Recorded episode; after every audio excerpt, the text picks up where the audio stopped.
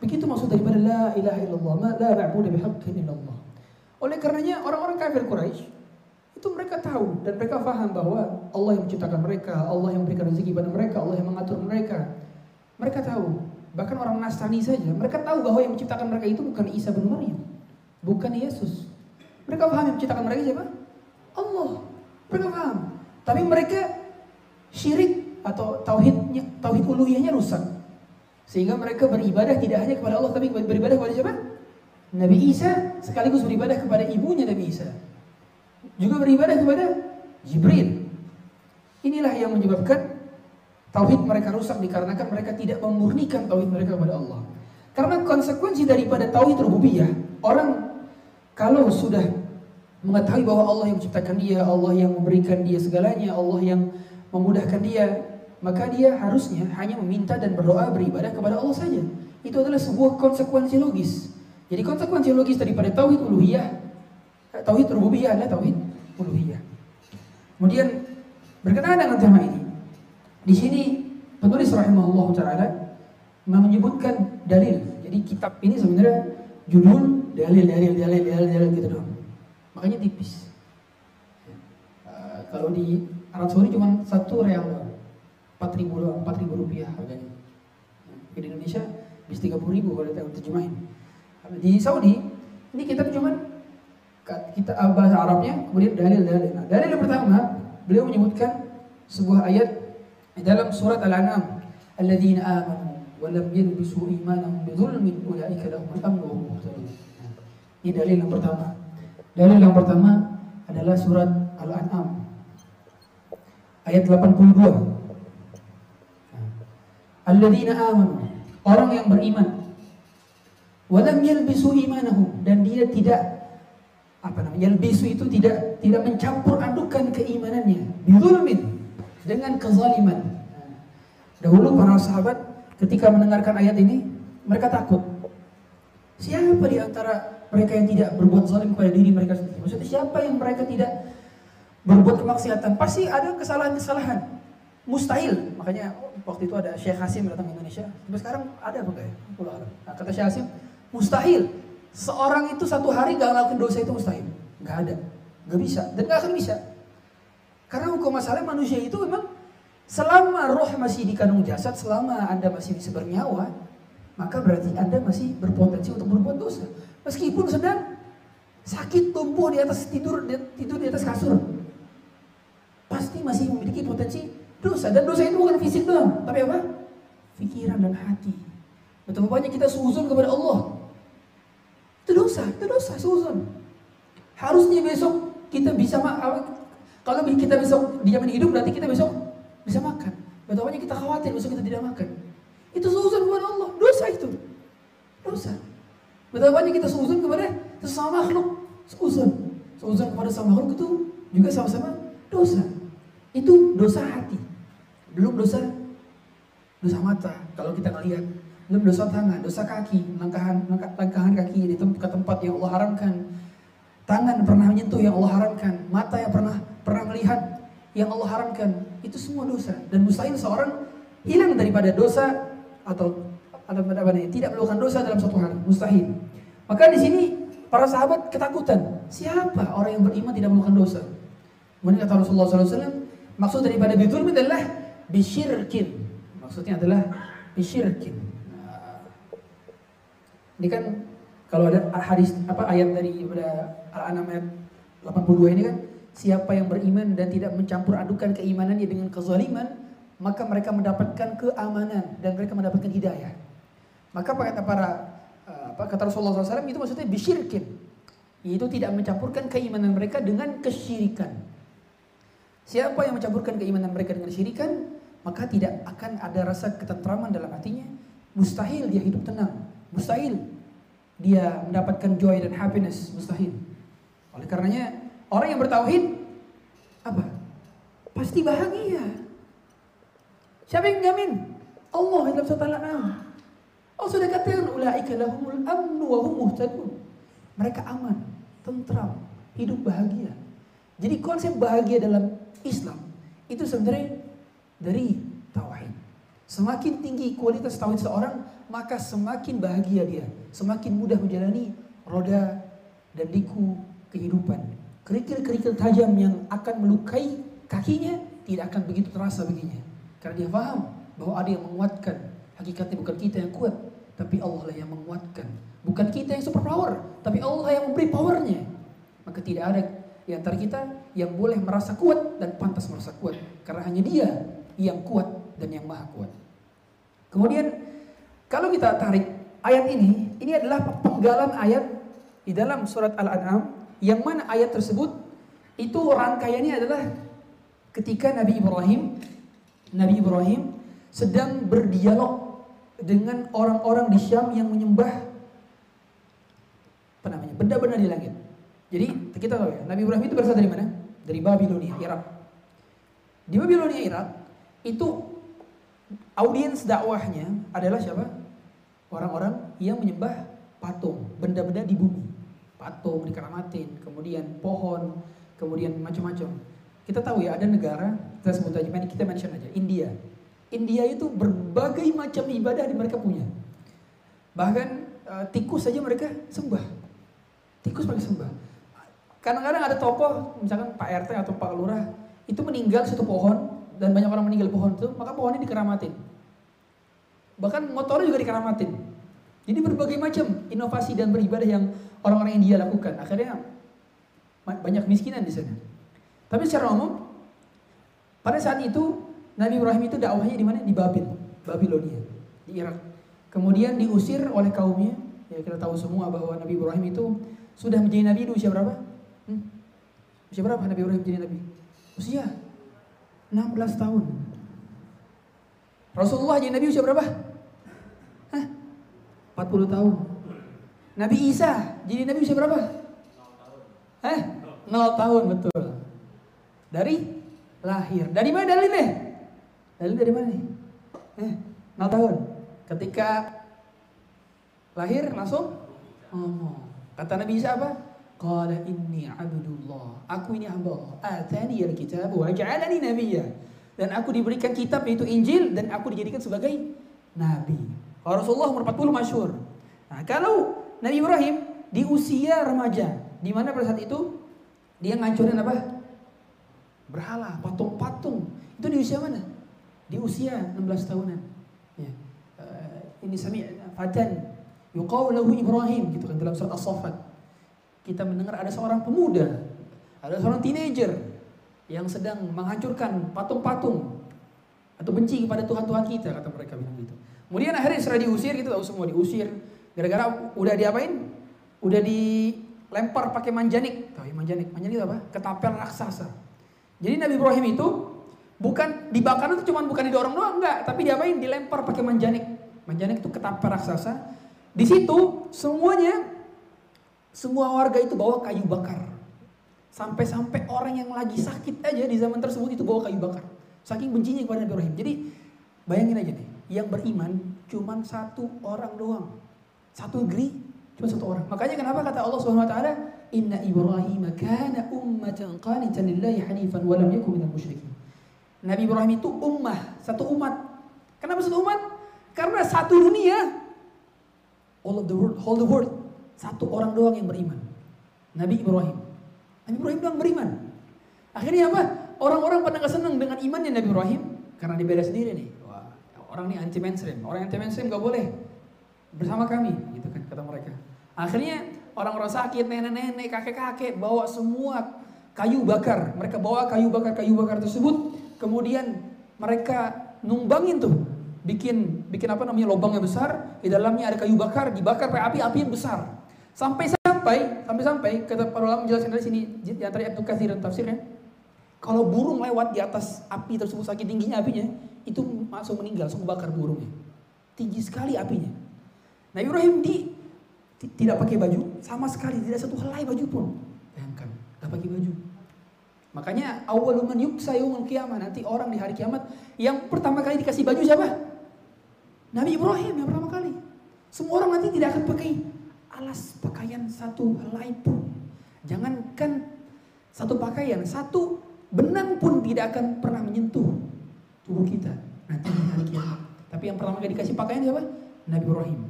Karena dahulu ketika dilemparkan ke api tidak pakai pakaian. Dilemparkan dengan manjanik, kemudian apa? Setelah masuk ke warna api, ternyata apa? Keluar dalam keadaan selamat. Kenapa? Yang menyebabkan Nabi Ibrahim bisa selamat kenapa? Apinya jadi dingin. Kata Allah Subhanahu wa taala, "Qul ya naru kuni bardan wa salaman ala Ibrahim." Wahai api, jadilah kamu dingin yang selamat bagi Nabi Ibrahim. Apa yang Nabi Ibrahim ucapkan? Apa? Hasbunallah wa ni'mal wakil. Ini amalan yang hendaknya kalau kita lagi sulit-sulitnya banyak masalah kita nggak tahu mulai dari mana. Banyak masalah kita nggak tahu mengakhirinya gimana. Ucapkan hasbunallah wa ni'mal wakil. Hanya Allah saja tempat bersandar. Cukuplah saya bersandar kepadanya. Cukuplah bagi bagi kita untuk hanya berharap kepada Allah saja sebagai tempat sebaik-baik untuk bersandar dan berharap.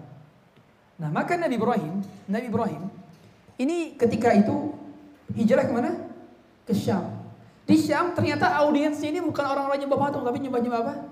Nyembah benda-benda langit. Mereka nyembah matahari, mereka nyembah uh, bulan, mereka nyembah bintang, dan seterusnya. Nah, di ayat ini banyak disalahpahami. Kita tahu semua dongeng-dongeng zaman dahulu.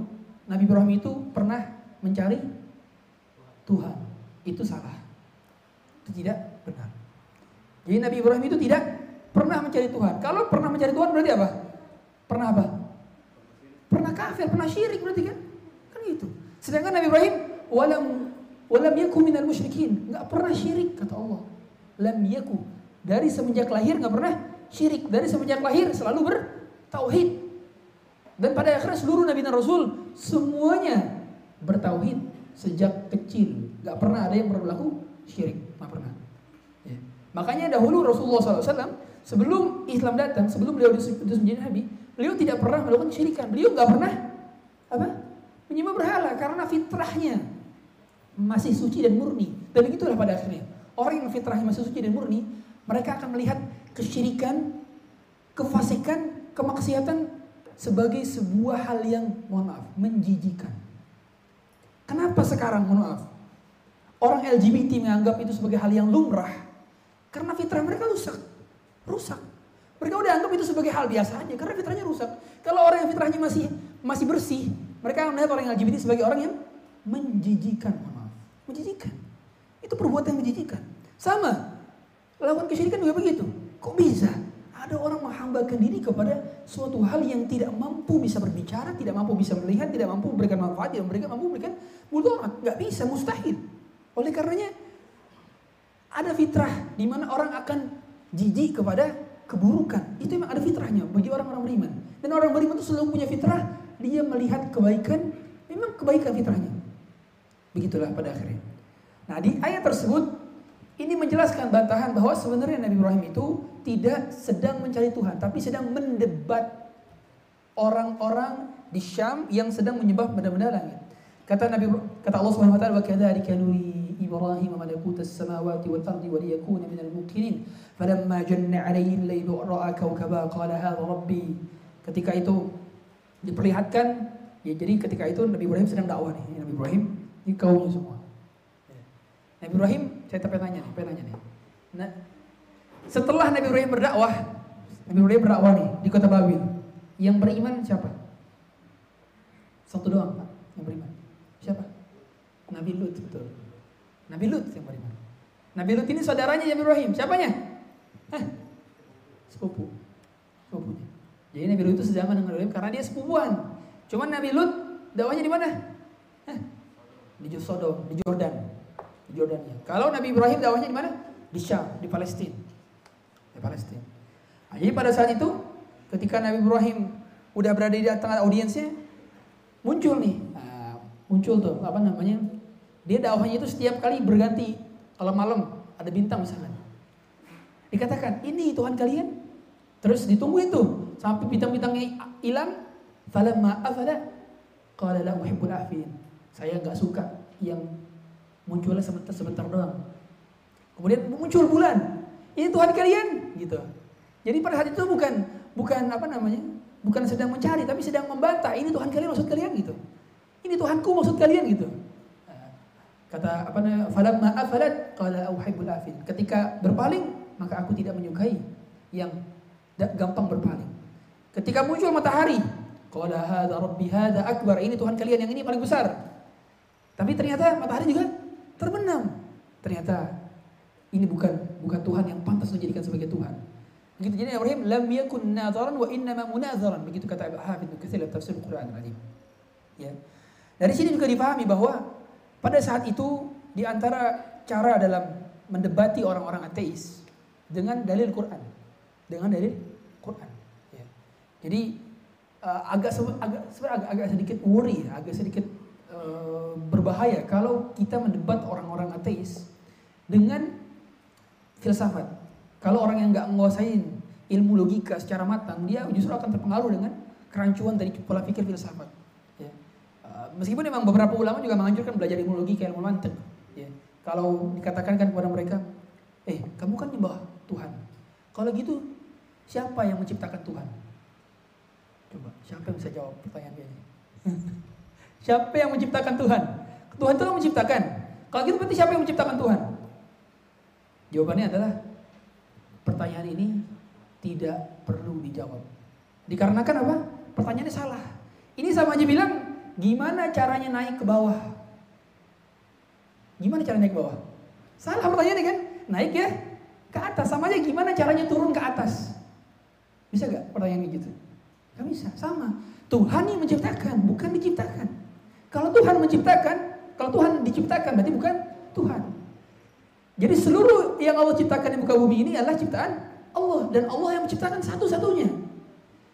Kalau misalkan kita mengatakan bahwa yang menciptakan itu juga diciptakan, nanti akan muncul infinite regression. Apa itu? Kerancuan dalam berpikir, di mana kita mengatakan bahwa ini sebabnya ini, ini sebabnya ini, sebabnya ini, dan sebabnya itu ada sebabnya lagi, nggak bisa. Pada akhirnya harus ada endingnya. Siapa yang menciptakan ini semua? Siapa yang menciptakan sebab ini semua? Oleh karenanya dalam agama kita, kita ada teori mengatakan Big Bang. Tahu ya? Dan itu benar disebutkan dalam surat Al-Anbiya 30. أولم يرى الذين كفروا أن السماوات والأرض كانتا رتقا ففتقناهما وجعلنا من الماء كل شيء أي حي أفلا يتفكرون Allah sudah katakan, apakah mereka mengetahui orang-orang kafir bahwa dulu alam semesta ini berada dalam satu kesatuan? Berarti apa? Big Bang. Big Bang.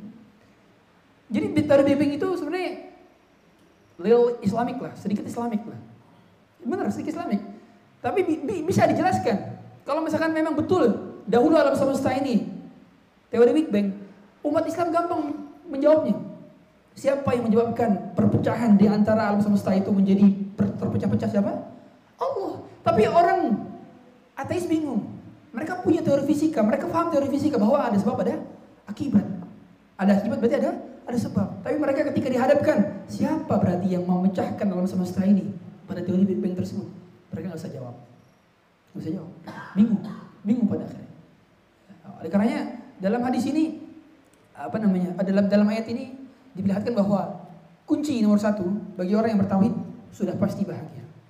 Yang kedua, di sini Allah Subhanahu Wa Taala uh, bahkan Rasulullah SAW juga pernah mengatakan bahwa kepada Muadz bin Jabal. Jadi kata Muadz pernah bertanya kepada Rasulullah SAW, amalan apa yang dapat uh, apa namanya menghantarkan seorang masuk ke dalam surga secara sederhana. Kata Rasulullah, tauhid sederhana. Ya, mengucapkan kalimat la ilaha illallah dan dia tidak melakukan kesyirikan apa pun. Kemudian uh, di, situ di situ Mu'adz bin Jabal ingin menyampaikan kepada manusia, maksudnya pengen menyampaikan oh sederhana banget masuk surga. Kemudian kata Rasulullah, la di yattakilu, jangan tunda dulu aja. Supaya manusia tidak bersandar kepada bersandar kepada apa? Bersandar kepada amalan yang sederhana itu. Maksudnya apa? Karena terkadang ilmu itu perlu ditunda penjelasannya. Ya. Sebagaimana Mu'adz Jabal nunda. Nunda, tidak menjelaskan pada satu. Baru menjelaskan kapan? Ketika Rasulullah SAW wafat. Baru jelaskan. Ternyata amalan sederhana yang mampu membuat orang masuk ke dalam surga adalah tauhid dan tidak mempersekutukan Allah dengan persekutuan apa pun.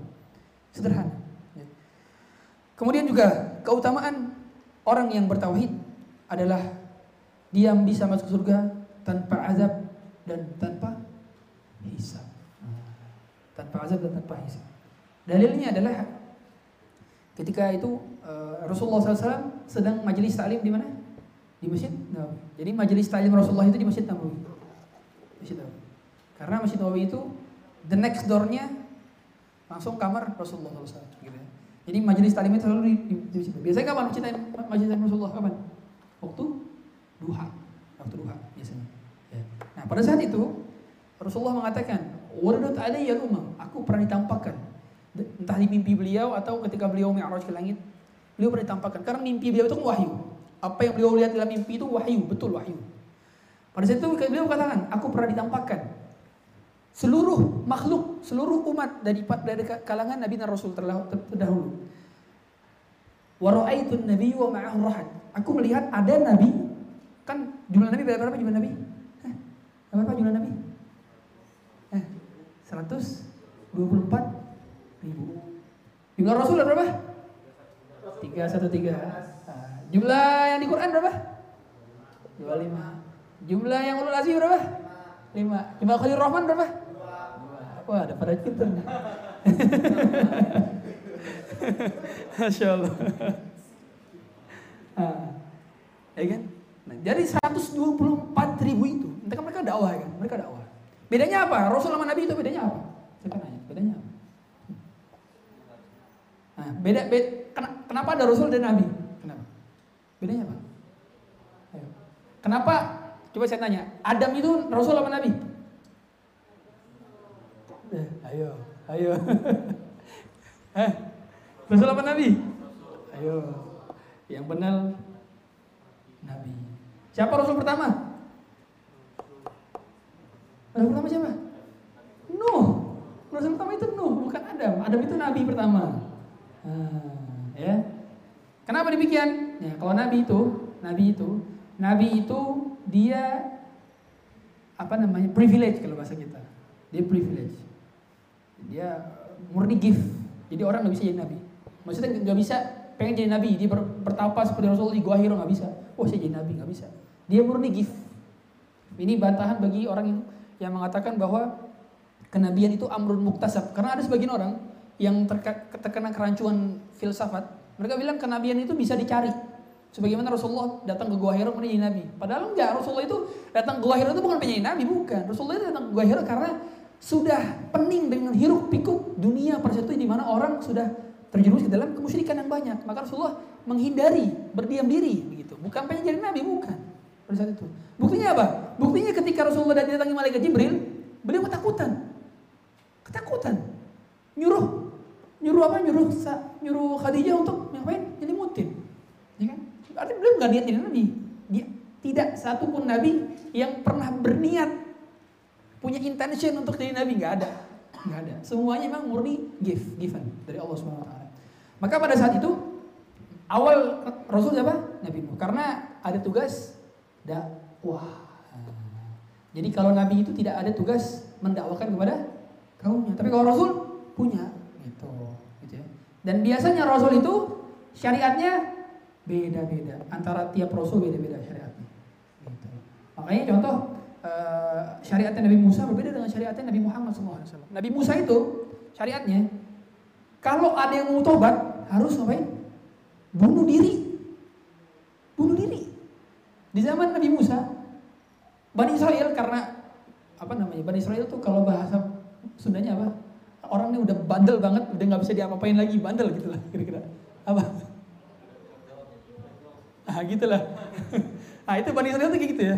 Jadi emang gak bisa diubah-ubah gitu. Misalnya udah, udah emang tabiatnya defaultnya ini setelannya udah udah kayak gitulah. Maka pada saat itu Allah syariatnya berat kepada mereka. Yaitu kalau mau tobat ditutupin pakai apa awan, awan awannya gelap semua, kemudian saling membunuh satu sama lain. Ya, bunuh diri maksudnya kan, bunuh diri. Itu sempat syariatnya seperti itu. Ya. Kemudian mereka nggak boleh apa mancing di hari Sabtu. Ya. Itu banyak syariat-syariat mereka. Gitu. Nah, itu uh, pada saat itu, uh, kemudian Rasulullah SAW melihat ada nabi, ada rasul yang umatnya sedikit. Cuman rohat-rohat itu sekitar di bawah 10. Hitungan jari rohat. Ada nabi lagi, laisa ma'ahu ahad. Gak punya pengikut, gak punya follower. Ibaratnya nol follower. Followingnya banyak deh. Followernya nol. Ada nabi itu. Nabi statusnya nabi, privilege, privilege ini. Nabi dapat centang biru itu. Iya Karena privilege kan. Tapi enggak follower nol, gimana ceritanya kan? Kemudian kata Nabi SAW, ditampakkan lagi ada sawadun azam. Umat yang banyak. Nabi dikatakan kepada Rasulullah nanya, ini umatku? Lah, hadza Musa wa qaumu. Ini umat Nabi Musa. Ternyata umat Nabi Musa banyak. Bani Israel itu banyak ya. Karena Nabi paling banyak diutus kepada siapa? Bani Israel. Makanya kenapa di Quran itu paling banyak kisah siapa? Kisah Nabi Musa. Paling banyak tuh kisah Nabi Musa dalam Quran itu. Paling banyak. Ya. Nah, eh, kalau kita lihat kenapa hampir seluruh Nabi itu semua apa namanya tugasnya untuk siapa? Bani Israel. Jadi Bani Israel itu umat yang paling banyak punya Nabi. Tuh, Bani Israel. Kalau Nabi dari kalangan bahasa Arab cuma empat doang. Empat doang. Dari bahasa Arab cuma empat doang. Siapa aja? Siapa? Nabi Hud. Soleh. Apa lagi? Muhammad. Ah, bukan. Nabi Ismail dari, dari Syam. Siapa? Apa lagi? Syuh. Syuaib. Empat. Empat. Nah, kemudian Nabi Ibrahim aja bukan masuk kan? Nabi Ibrahim bukan Arab, Nabi Arab dari Babil. Nah, Nabi Ibrahim. Kemudian juga barulah keturunan Nabi Ismail itulah yang baru. Karena dari gap Nabi Ismail itu nggak ada nabi itu dari keturunan Nabi Ismail nggak ada. Baru muncul siapa? Nabi Muhammad. Sedangkan dari keturunan Ishak ada Yakub, ada Yusuf, ada siapa lagi? Ada Sulaiman, ada Daud, ada Musa, ada Isa, ada Yahya, banyak, banyak tuh. Nabi-nabi itu apa semuanya. Ada Yusha bin Nun, Nabi Yusha kalau bahasa Ibrani ada Nabi siapa? Nabi Joshua. Nah, kemudian pada saat itu ditambahkan juga kepada Rasulullah ada yang lebih banyak daripada itu semua. Baru kata kata kata malaikat, "Hadhihi ummatukum." Ini umatmu. Maksudnya apa? Berarti umat Rasulullah adalah paling banyak dibandingkan Bani Israel. Nah, kemudian dikatakan pada Rasulullah, "Yadkhulunal jannata sab'una alfan bighairi hisabin wala azab. Kata, kata, kata malaikat, ini umatmu masuk surga dari kalangan mereka ini paling banyak 70 ribu. Ah, 70 ribu. 70,000, 70 ribu. Orang yang masuk surga tanpa azab dan tanpa hisab. Tanpa azab, tanpa hisab. Kemudian, jadi umat umat Rasulullah nih, juga sekarang aja umat muslim ada 2 miliar, 2 miliar. Kalau dikumpulin di, di total sama umat-umat terdahulu nggak tahu jumlahnya berapa. Mungkin bisa puluhan miliar atau ratusan miliar mungkin, mungkin. Itu alam hari kiamat kita nggak tahu berapa. Yang masuk surga tanpa azab tanpa hisab, dia nggak dicek lagi nih. Ibaratnya kalau misalkan kita naik KRL atau naik kereta itu ada tes dicek gitu kan. Ini nggak langsung serobot. Jalur VIP khusus, jalur ekspres. Mereka nggak ngelewatin tuh yang tap ticketing nggak, nggak ngelewatin yang lewatin lagi, masuk langsung. Pada saat itu 70 ribu doang yang masuk surga tanpa azab tanpa hisab. Ya, tanpa azab tanpa hisab berarti 70 70 ribu doang. Kemudian Rasulullah masuk kamar, para sahabat sibuk memperbincangkan siapa 70 ribu itu ya. Ada di antara mereka bilang, oh itu orang dulu yang masuk Islam duluan. Oh ini yang selalu temennya, temennya Rasulullah itu sahabat doang kayaknya dah. Padahal sahabat jumlahnya nggak sampai 70 ribu juga. Oh dulu nih orang yang nggak pernah ngelakuin dosa sama sekali gitu. Ada mereka berdiskusi. Sampai kemudian ketika Rasulullah masuk apa keluar lagi dari kamarnya, Rasulullah bilang, "Humul ladzi la yastarqun." Mereka pertama eh, tidak minta ruqyah. Tidak minta ruqyah, ya, tidak minta. Yang kedua, humul ladzina yastarqun. Wala yatatayyarun, tidak tatoyur. Tatoyur apa? Beranggapan sial pada suatu hal yang tidak make sense itu tatoyur. Eh, contoh, kalau berdiri di depan pintu nggak dapat jodoh. Apalagi kalau masuk kupu-kupu, ada tamu. Apalagi tatoyur itu. Eh, percaya zodiak, tatoyur. Eh, tidak tatoyur. Humul ladina la yastarqun wa la yatayyarun wa la yaktawun. Tidak kai, tidak kai. Tidak kai itu apa? Kai itu adalah pengobatan pengobatan besi dipanaskan. Dan ini adalah pengobatan terakhir, akhir dawa ummati al-kay. Jadi pengobatan yang terakhir, kalau udah nggak bisa disembuhin lagi, maka pengobatan Arab itu adalah pengobatan kai besi dipanaskan. Ya. Kemudian yang keempat adalah wa ala rabbihim yatawakkalun. Sempurna tawakalnya. Nah, ini poin pentingnya di sini. Ini satu, dua, tiga. Ini semua maksudnya adalah poin keempat maksudnya. Ya. Jadi ini pada akhirnya ini semua masuk ke dalam poin keempat ini. Tidak minta durkiyah. Kemudian tidak totoyur, tidak kai. Ini semua masuk ke dalam poin empat, yaitu mereka orang yang sempurna tawakalnya. Dikarenakan mereka tidak ada harapan dalam hati mereka kecuali hanya kepada Allah saja. Sempurna tawakal. Maka mereka yang masuk surga tanpa azab dan tanpa hisab. Ini fadilah keutamaan Tauhid, tauhid. Ya, pada akhirnya ketemu tauhid seperti ini. Ya.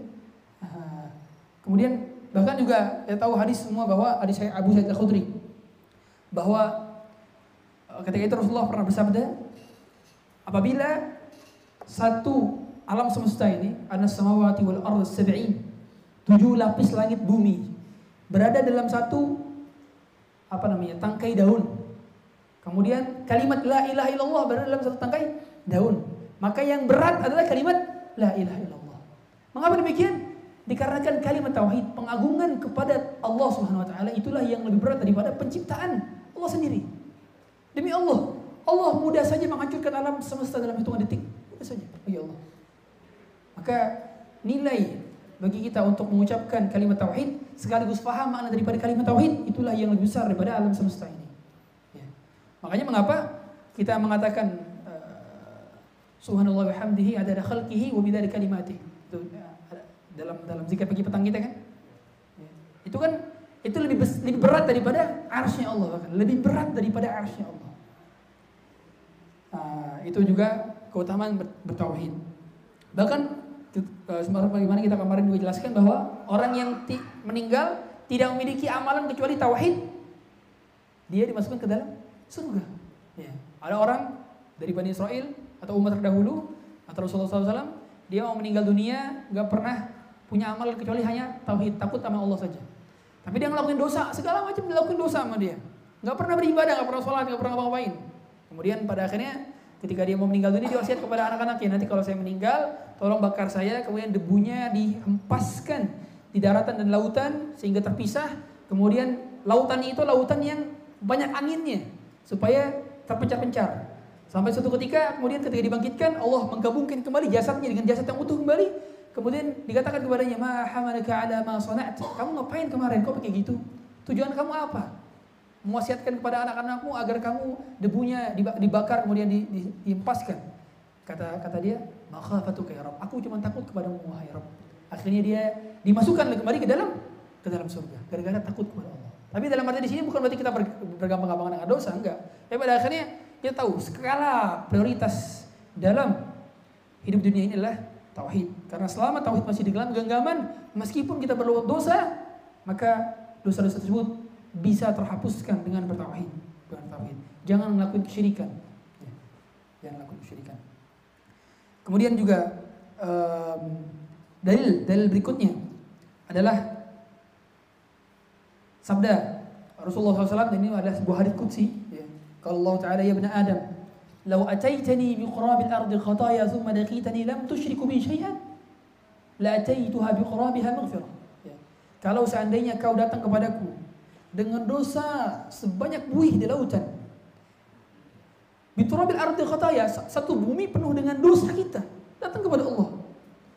Kemudian kamu datang kepadaku tapi tidak punya dosa syirik, gak punya dosa syirik. Dia semua jenis dosa punya A sampai Z punya jenis dosa, udah nggak pernah ngelakuin. Tapi dia nggak punya dosa syirik. Kata Allah, la maghfirah. Aku akan datangkan setimpa dengan itu maghfirah, ampunan. Artinya seorang selama dia tidak melakukan syirikan, maka dia berpotensi dosanya diampuni meskipun dia belum beristighfar di dunia. Mengapa? Karena Allah kata Allah katakan, "Inna Allah la yaghfiru an bihi wa yaghfiru ma duna dzalika liman yasha'." Allah itu mengampuni dosa selain syirik. Dosa syirik orang kalau meninggal dunia punya dosa syirik belum belum belum tobat maka tidak akan diampuni dosa syirik ini. Tapi kalau dia punya dosa A, B, C selain dosa syirik di bawahnya dosa syirik, kemudian dia belum sempat bertobat, maka ada potensi, ada potensi di ampuni. Kalau Allah mengazab, maka Allah mengazab dengan keadilannya. Kalau Allah mengampuni, maka Allah mengampuni dengan rahmatnya. Begitu. Akidah Ahlussunnah wal Jamaah. Jadi, orang fasik ya, orang fasik, orang fajir yang belum sempat taubat, meninggal, maka itu akidah Ahlussunnah wal Jamaah adalah tahta masyiatillah. Ya, ini akidah Ahlussunnah wal Jamaah adalah tahta masyiatillah. Nah, artinya apa? terserah Allah. Terserah. Artinya dia belum dapat dipastikan dia menjadi penghuni surga atau penghuni neraka, belum dapat dipastikan. Dan orang kalau tadi ya, selain dosa syirik pokoknya, meninggal dunia belum tobat, tata masyiatillah. Gimana terserah Allah? Ya, terserah Allah. Jadi nggak auto apa? Nggak auto neraka, nggak auto neraka, nggak auto neraka. Ini yang tidak wal jamaah. Sedangkan akidah khawarij belum dipastikan. Orang yang berbuat zina belum bertobat udah pasti neraka dia. Enggak surga neraka kita ini tidak pernah ada yang menjaminnya. Kecuali kalau tadi kita melakukan kesyirikan, mati dalam keadaan belum sempat bertobat dari syirikan tersebut. Contoh, sempat pernah kedukun, sempat pernah percaya zodiak, belum tobat. Nah, siapa tuh zodiak? Sempat apa lagi? Sempat percaya percaya tatoyur, nggak boleh nikah. Kalau ya primbon gitu, nggak boleh nikah dia pakai ya, Jumat Kliwon, sama Senin Pahing dan seterusnya. Nggak boleh kayak gitu misalnya. Nah itu percaya-percaya gitu tuh syirik. Kalau kita meninggal bawa dosa itu belum sempat taubat, nggak diampuni sama Allah. Nggak diampuni. Karena dosa yang diampuni adalah selain dosa syirik. Ya. Nah, dari sini juga dipahami bahwa orang yang uh, bertauhid nanti juga dapat mendapatkan hisap yang mudah. Jadi tingkatan hisap itu ada ada tiga tingkatan hisap. Yang pertama yang pertama adalah di, di, dia masuk surga tanpa azab, tanpa azab, tanpa hisap. Nah, tulisan saya kok gini ya. Kemudian yang kedua, dihisap, tapi tidak diazab. Yang ketiga, ah, dihisap dan diazab. Nah, ini tiga tingkatan. Ya. Kalau orang yang pertama tadi berapa jumlahnya? Nah, 70 ribu nih. Ya. Sisanya nah, orang-orang yang Allah beri keutamaan, maka dia dihisap tapi tidak diazab. Ini adalah yang masuk dalam katakan apa hisaban yasira. Hisaban yasira. Maka minimal minimal nih, minimal. Minimal kita masuk ke dalam kedua ini. Oke dihisap tapi nggak diazab. Ini standar minimal kita mau enak nanti di akhirat. Sekarang banyak orang pengen hidup enak, tapi lupa bagaimana mati enak. Harusnya yang menjadi potongan mati enak, ya Mati enak. Kalau mati enak, gampang. Kita tinggal bertauhid, mengamalkan sunnah-sunnah Nabi, selesai hidup enak susah hidup enak. Kita ngeliat orang flexing susah. Gimana cara ngebang ini nggak susah nggak bisa susah. Bertauhid semua amal manusia bisa. Tingkat dari sosial apa pun dia bisa ngelakuinnya. Kan gitu. Kalau yang terakhir dihisap dan diajak nah kalau yang kedua ini fa'amman utiya kitabahu ubi yaminihi fasaufa yuhasabu hisabai yasira orang yang dapat catatan dari kanan kanan kanannya berarti dia disebut dihisap tapi tidak diazab karena dihisab dan yasira hisab dan yasira itu gimana? Cuman di al-ard cuman ditampakin doang. Jadi ini ada hadis yang menakjubkan sekali ya. Jadi hadis ini menunjukkan betapa Luar biasanya Allah sangat baik sekali kepada kita. Ya. Jadi orang-orang yang mendapatkan hisap tapi tanpa diazab itu kan cuma di al-arad kata Rasulullah dari kali arad cuma ditampakin doang tapi nggak di audit. Kata Rasulullah SAW pada saat itu Allah itu akan menaungi dia nanti di hari kiamat. Kanan kiri depan belakang nggak ngelihat, cuma dia dengan Allah saja. Ditutupi, tutupi. Fayadau katafahu, kanifahu. Ditaruh apa namanya dinaungi dia Kemudian ditampakkan dosa-dosanya yang kecil-kecil. Nah, ditampakkan dosa-dosanya, ditampakkan dosa-dosanya. Dahulu pernah ngapain, dahulu pernah ngapain, dahulu pernah ngapain, dahulu pernah ngapain. Ditampakkan. Kemudian apa namanya hamba tersebut ditanya oleh Allah. Ata'rifu dzamba kada? Ata'rifu dzamba?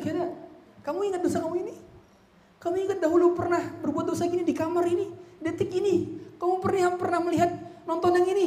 Kamu pernah pernah melakukan dosa ini? Kamu ingat? ta'tarifu dzamba kada. Sampai-sampai kata orang yang dikatakan tersebut, hatta idza dhanantu annahu qad halak. Ketika dia mengingat bahwa dia akan hancur, akan diazab. Apa kata Allah Subhanahu wa taala? Wa qad satartuha 'alaika fid dunya wa ana aghfiru laka Dahulu aku telah tutupi dirimu sehingga tidak ada yang mengetahui dosamu dan sekarang aku telah mengampuni dosamu. Baik sekali. Baik sekali. Allah katakan aku tutupi sehingga dosa yang kamu lakukan di malam itu, di hari itu tidak ada yang mengetahuinya. Aku tutupi. Dengan rapat Allah tutupi.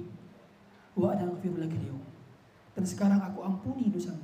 Semuanya diputihkan dosanya. Maka tidak ada hari yang paling berbahagia yang dirasakan oleh seorang hamba tatkala ternyata dia mengetahui bahwa dosa-dosanya telah diampuni semuanya oleh Allah Subhanahu wa taala. Semoga kita bagian daripada minimal masuk ke dalam kategori kedua. Dan semoga ada di antara kita atau semua di antara kita masuk ke dalam kategori yang pertama. Masuk surga tanpa azab dan tanpa hisab. Udah jam 5. Kita sesi kayaknya bagaimana?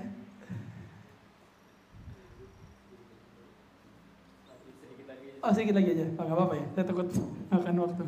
Ya. Nah itu hisaban yasiro. Adapun yang yang ke yang ketiga, ini adalah orang yang dihisap dan diazab. Maksudnya adalah dihisapnya itu bukan ditampilin doang, tapi didetailin. Menukishal hisab uzib kata Rasulullah. Siapa yang diaudit, didetail, didetailin. Kamu ngapain aja? Kenapa kamu begini?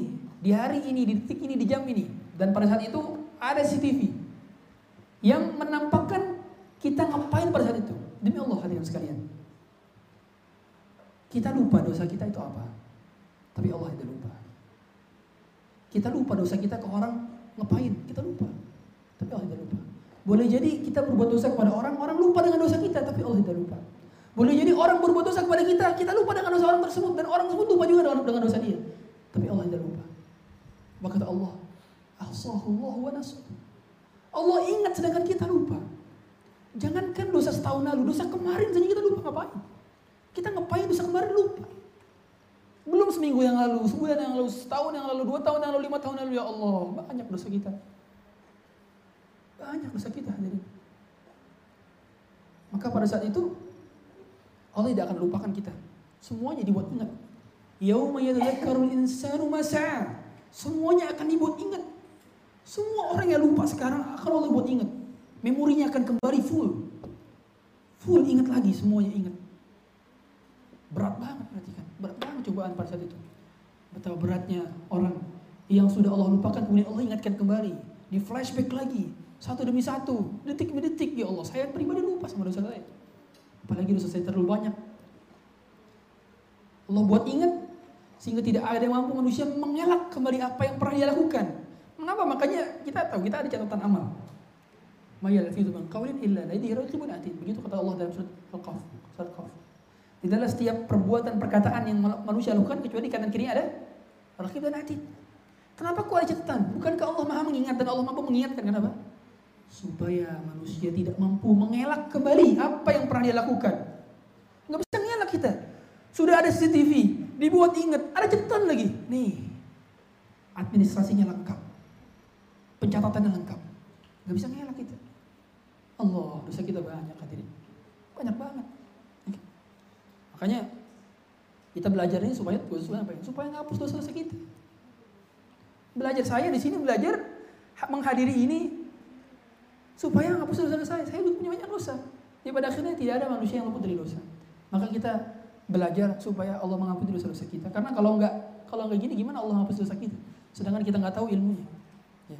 Maka pada saat itu juga um, seorang yang mendapatkan keutamaan bisa belajar bisa belajar tauhid, akidah, maka ini kenikmatan yang besar. Kenikmatan yang besar. Dikarenakan tidak semua orang memiliki kesempatan ini. Anda bersyukur dan saya juga bersyukur. Karena kita diberi kesempatan untuk mengenal tauhid yang benar, mengenal akidah yang benar. Karena ini pintu, ini apa ya? Ini langkah tercepat, langkah termudah untuk bisa masuk surga dengan cara seperti ini. Hadir, nggak ada cara lain, nggak ada cara lain. Bahkan orang punya amalan segunung amalannya, tapi kalau tauhidnya nggak benar, nggak bisa masuk surga. Pada akhirnya demikian. Ya.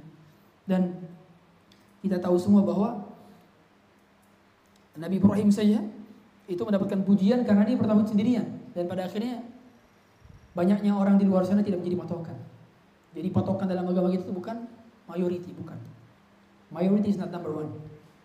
Bahkan Allah sering kali menyebut minoritas dalam Quran. Allah bahkan mengungguli minoritas. Contohnya apa? Wa ma yu'minu aktsaruhum billahi illa wa hum. Kebanyakan manusia justru musyrik dan kafir. Jadi kalau kita ikutin mayoritas, oh ngetrennya lagi kayak gini nih, di TikTok lagi begini nih, di Twitter lagi begini nih, oh, ikutin lah. Hidup kita akan terombang ambing, gak jelas panduan hidupnya, guideline-nya gak jelas. Karena hidup kita ngikutin yang tren-tren. Sedangkan kebaikan dan kebenaran sudah pasti sedikit pengikutnya. Maka patokanlah kebenaran tersebut dengan dalil, bukan dengan banyaknya pengikut. Karena mayoritas yang banyak pengikut tidak dijamin benar. Bahkan Allah sudah mengatakan wa qalilun min ibadiyas syakur. Yang beriman, yang bersyukur itu minoritas. Minoritas. Maka jadilah yang sedikit itu. Karena yang beriman, yang jangan amal soleh. Apalagi anak-anak muda.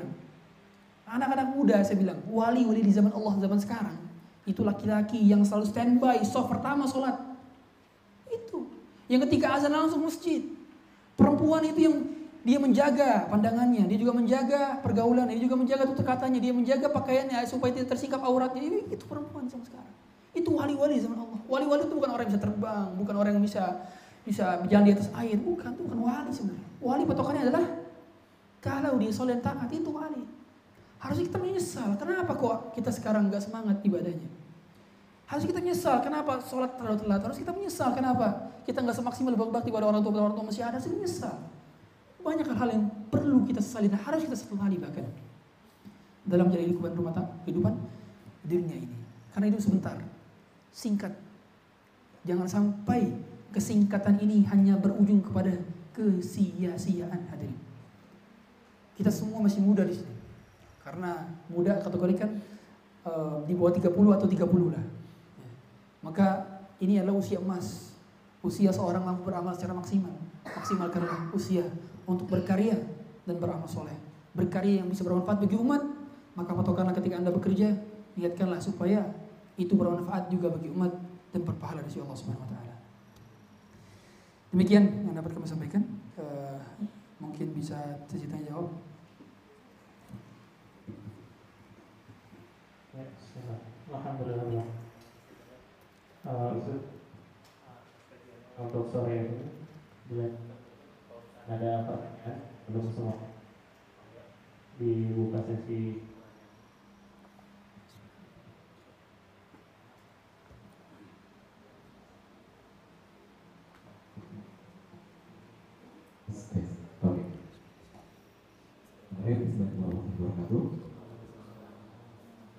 Bismillahirrahmanirrahim. Sebelumnya saya kasih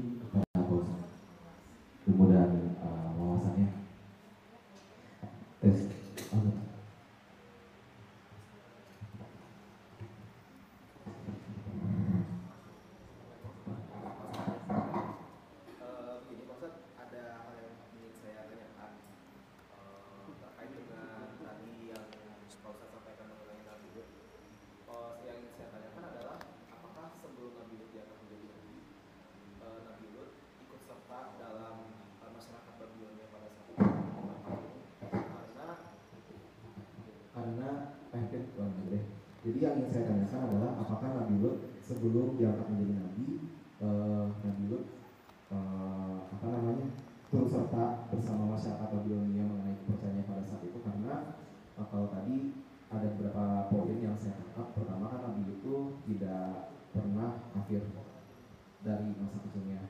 Yang kedua, Nabi Lut pada saat itu e, merupakan salah satu bagian dari masyarakat Babilonia yang pada akhirnya e, apa namanya Nabi Lut masuk Islam setelah uh, kejadian Nabi Ibrahim dibakar. Nah, yang sebenarnya uh, saya ingin hanya ingin tahu aja sih ada apa ada penjelasan yang bisa meluruskan takutnya uh, pikiran saya ke mana-mana gitu. Ya, Baik, terima kasih. Pertama, tidak ada satu di antara Nabi yang dahulunya syirik. Tidak ada. Dan semua Nabi dan Rasul semua berakidah Hanafiyah sebelum datang kepada mereka agama atau sebelum mereka diutus menjadi seorang Nabi dan Rasul.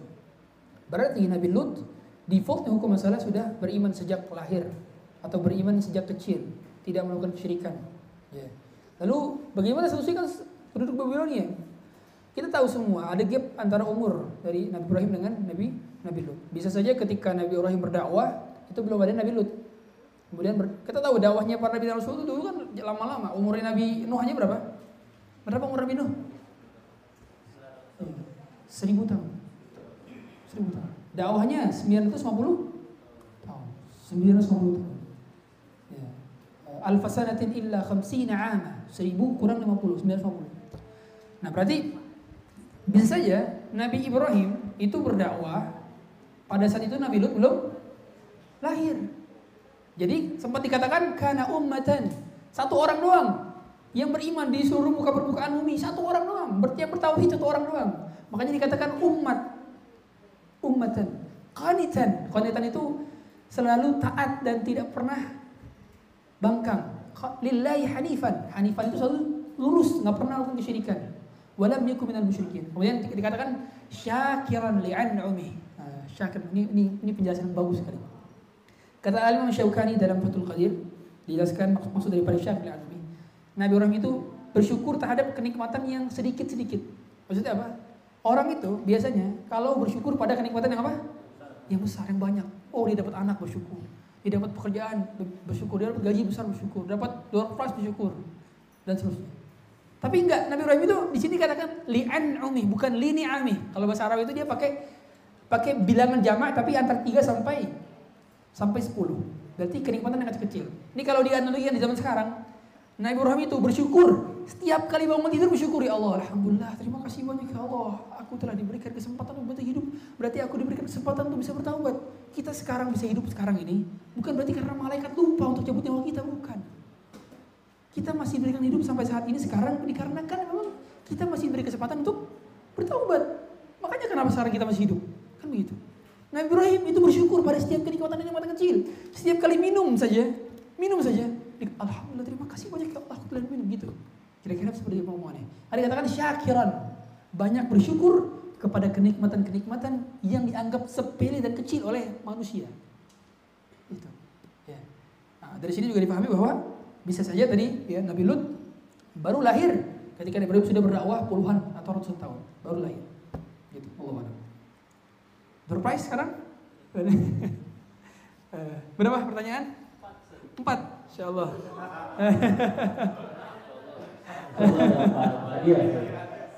Iya. Oke. Angkat tangan dulu ya. Oke, angkat tangan dulu, angkat tangan dulu. Jangan ngomong dulu, angkat tangan dulu. Angkat tangan dulu. Oke, angkat tangan dulu. Oh, mau tulis hapus dulu nih.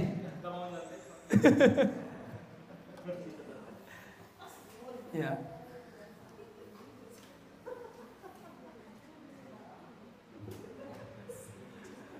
Oke. Hmm. Sahabat yang mendapatkan rahasia dari Nabi Shallallahu Alaihi Wasallam? Betul, masya Allah.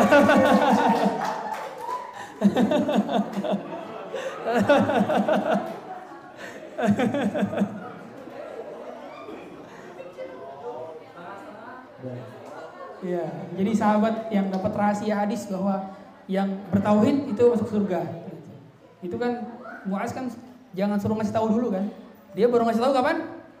Setelah Nabi SAW meninggal, baru ngasih tahu, baru share dia ilmunya. Jaga amanah gitu. Ya. Kemudian yang pertama kali dipakai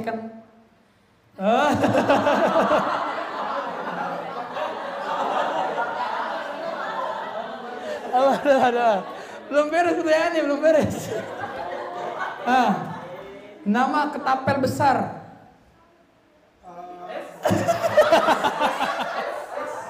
Iya betul.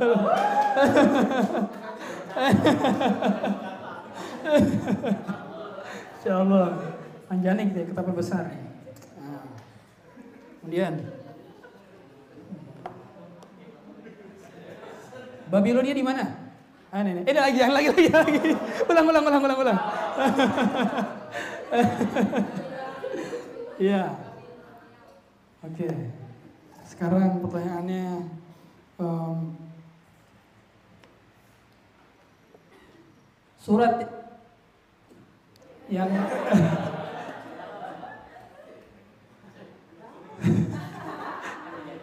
surat yang menjelaskan diskusi Nabi Ibrahim dengan penduduk Syam.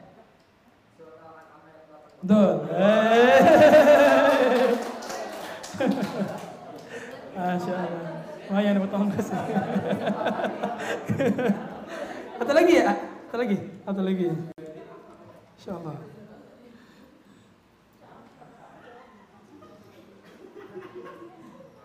Satu lagi. Hmm.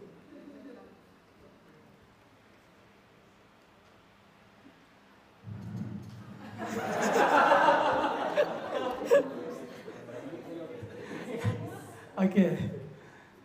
Yang setara dengan seluruh alam dan semesta isinya dan lebih berat daripada alam semesta dan isinya. Betul.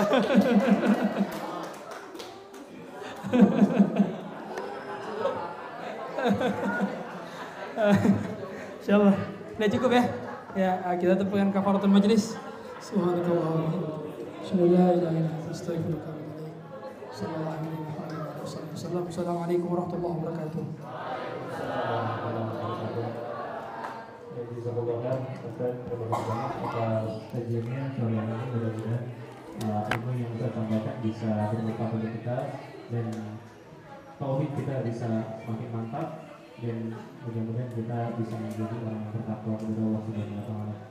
Terima kasih banyak juga kepada teman-teman semuanya udah uh, menyempatkan waktu uh, hati-hati di jalan selamat beristirahat uh, itu saja mungkin uh, yang luar kalau ini. Assalamualaikum warahmatullahi wabarakatuh